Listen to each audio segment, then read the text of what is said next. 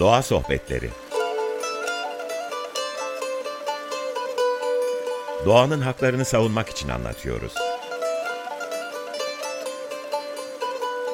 Hazırlayan ve sunan Raziye İçtepe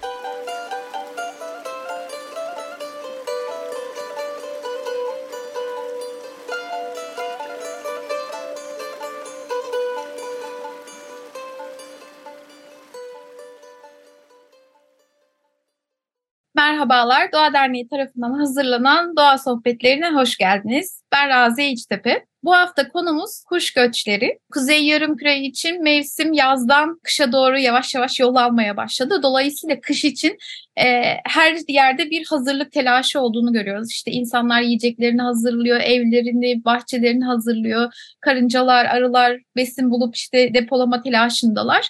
Bu telaşın içinde de kuşlar var.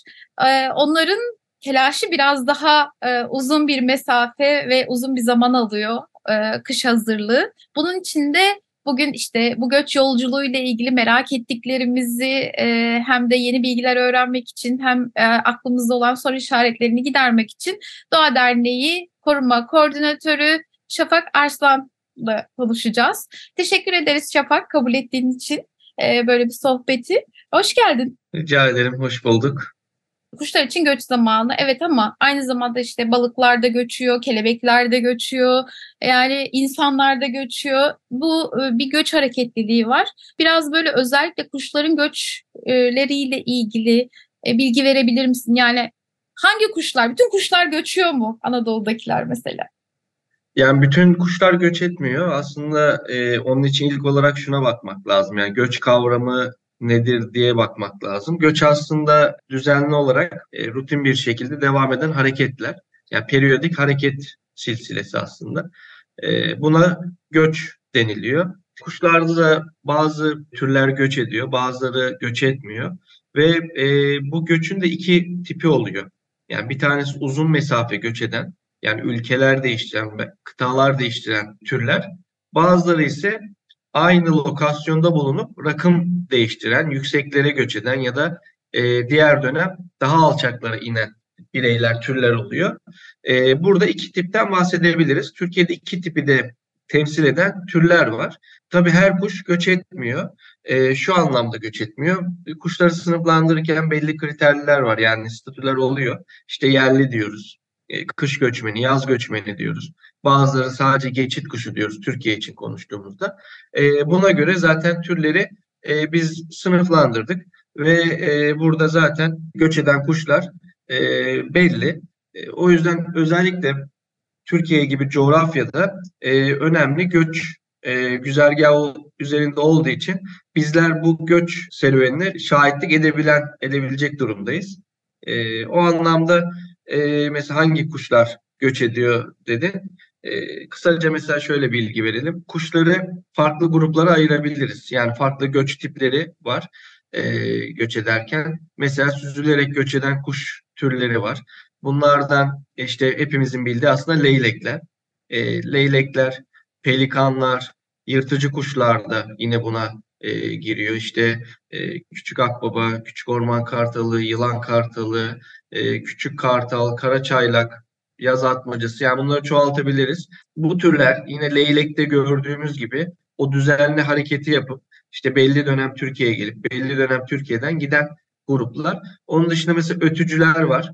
E, bunlar yine geceleri göç etmeyi tercih ediyor daha çok. E, işte özellikle ardış türleri.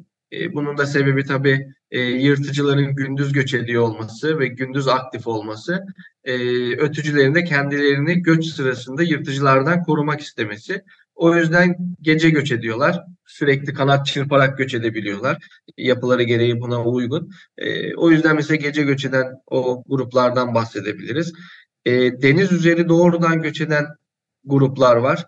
E, bunların başında mesela su kuşları ve kıyı kuşları geliyor. Ee, yine mesela bıldırcın direkt Karadeniz üzerinden mesela hepimizin bildiği direkt Karadeniz aşarak e, gelir ve bütün Karadeniz kıyılarında göç zamanında bıldırcına rastlayabilirsiniz. E, yani bunları bu şekilde tür tür çoğaltmak mümkün ama hani kabaca e, bu şekilde sınıflandırabiliriz. Peki e, merak ettiğim bir şey var. Hani şimdi sadece bu e, yer değişikliği var ama bu yer değişikliğinin temel motivasyonu ne türlerdeki? E, niye göç ediyorlar? Yani sadece yiyecek için mi? Hı hı. Ya aslında genel itibariyle yiyecek için diyebiliriz. Çünkü e, asıl motivasyon besin ve üreme canlılarda. E, ve bu besini bulabileceği yerler tercih etmeleri birinci motivasyonları oluyor. E, üreme döneminde de aynı. Yani üreme dönemi dediğimiz türden türe değişebilir ama genel olarak kabaca böyle şey yaptığımızda işte Mart ayının ikinci yarısında başlayıp işte Haziran ayının ortasında biten. Tabi bunların başı sonu değişebilir tür tür. Ee, ama genel itibariyle böyle sınıflandırabileceğimiz bir dönemde e, kuşlar daha e, kendileri için uygun sıcaklıkları tercih ediyorlar. Aynı şekilde besin zamanında yani kışın zorlu şartlarda besin bulamayacağı ortamlarda bulunmuyor.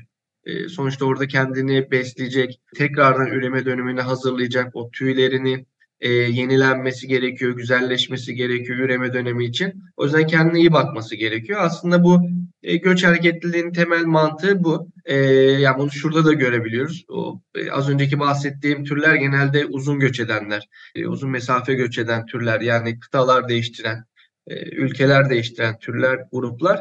E, ama mesela kızılgerdan gibi, ispinoz gibi e, Türkiye'de yıl boyu görülebilen ama e, mesela kışın bir bakarsınız üreme döneminde sürekli gördüğünüz kızılgerdanları ya da ispinozları görmezsiniz.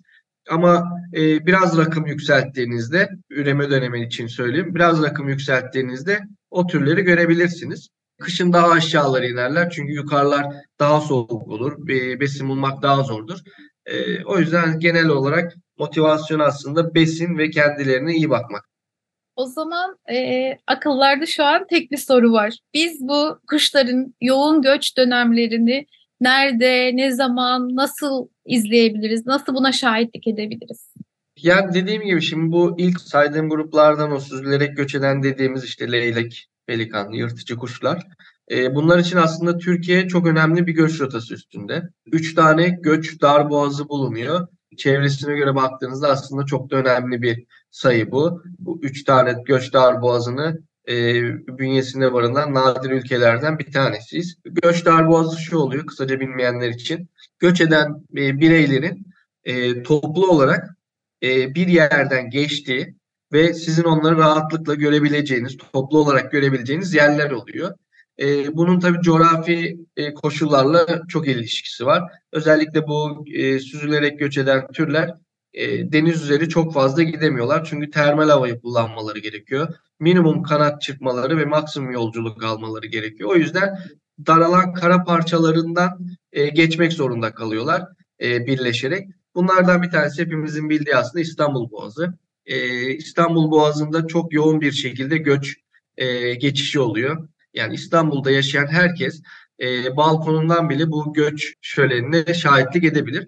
Ama tabii belli noktalar var. Daha hakim noktalar var bunları görebileceğiz. İşte ilkbahar göç döneminde Sarıyer'deki e, Kuş Gözlem Kulesi'nin olduğu yer. E, sonbaharda işte Çamlıca Tepesi'nin olduğu e, yerler. Buralar birazcık daha en azından e, kuş gözlemcilerinin de bir arada bulunduğu, çevresine göre daha hakim olan noktalar. Mesela birazcık daha güneye gidelim. Ee, Adana Sarımazı bölgesi Doğa Derneği uzun yıllardır o bölgede göç izleme çalışmaları yapıyor Eylül ayında. Büyük sayılarda da kuşlar geçiyor. Şöyle örnek vermek gerekirse küçük orman kartalının ve yaz atmacısının dünya nüfusunun neredeyse tamamı e, o bölgeden geçiyor ve biz o dünya üzerinde yaşayan neredeyse bütün yaz atmacalarını bir ay boyunca orada görebiliyoruz e, gözlem yaptığımızda. Yine aynı şekilde küçük orman kartalı içinde e, ve diğer kuşlar için de önemli. E, o bölgede yine bir Türkiye'de izlenebilecek önemli yerlerden bir tanesi. Yine Hatay Belen, e, Samandağ bölgesi aynı şekilde ve e, son olarak e, Kafkaslardan gelen e, göç göç eden bireyleri de e, görebileceğimiz Çoruh Vadisi ve Karadeniz'in Doğu Karadeniz'in kıyıları aslında. Doğu Karadeniz o kıyılarındaki tepeler.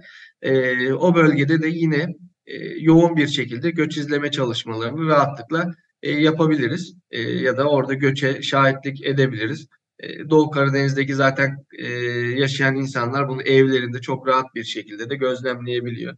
E, öyle çok e, yukarılara çıkmalarına da gerek kalmıyor zaman zaman. Bu şekilde çok rahat bir şekilde Türkiye'de farklı noktalarda e, gözlem yapabilirsiniz. Çok teşekkürler. Bir taraftan çok güzel bir an e, o göçe şahitlik etmek ama bir diğer taraftan da aslında o kadar da e, bu yolculuk çok toz pembe değil. Önünde e, özellikle kuşların e, çok büyük tehditler var bu göç yolculuğunda. Tehditlerden ve zorluklardan da bahsedebilir misin Şafak? Tabii. Yani dediğin gibi aslında işte böyle çok şölen edalarından bahsediyoruz ancak kuşlar belli yerlerde çok büyük zorluklarla karşı karşıya kalıyor. Çünkü çok uzun mesafeler göç ediyorlar. Yani şöyle düşünün Avrupa'nın kuzeyinde üreyen bir kuş türü e, Afrika'ya kadar iniyor. Gözünüzde canlandırın ve bunu kısa bir süre içerisinde yapması gerekiyor. Ve belli yerlerde de tabii tekrardan besin takviyesine ihtiyacı oluyor. Yoruluyor, enerjisini kaybediyor, besin alması gerekiyor. O yüzden bu göç rotaları üzerinde konaklama alanları kritik öneme sahip oluyor.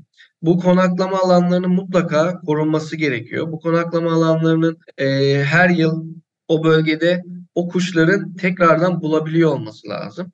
E, ancak e, birçok noktada her yıl farklı tehditlerle karşı karşıya geliyorlar bu konaklama alanlarında. Bazen konaklama alanları yok olmuş oluyor. Mesela bir sulak alansa kurutulmuş, doldurulmuş, parçalanmış olabiliyor. Ve bu sefer oradan göç eden kuşun daha uzun mesafe tekrardan yol alıp e, en yakındaki e, habitata tekrardan bulabiliyor olması lazım.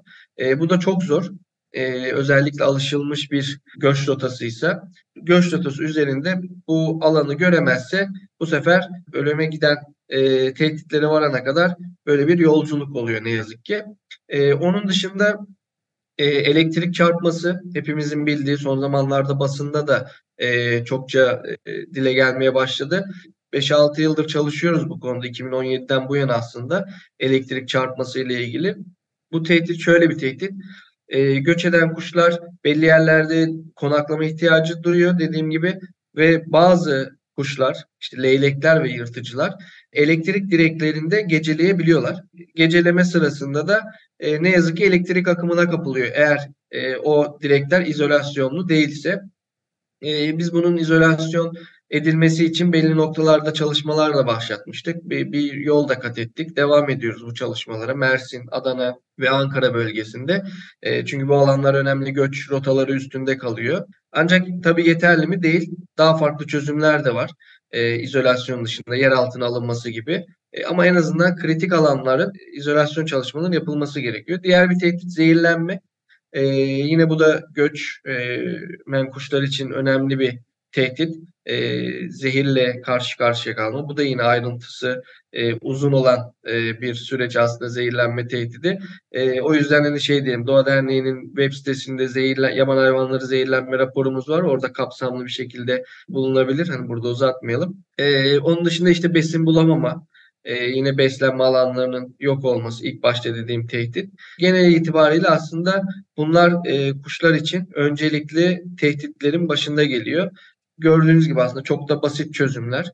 E, o yüzden gerektiğinde bu çalışmaların yapılması e, için bizler de çalışmaları devam ediyoruz. Ancak hala bu ölümler, e, yaralanmalar ne yazık ki devam ediyor. Teşekkürler Şafak. Bir diğer tehdit de şu an hani konuşurken aklıma geldi. Avcılık aslında.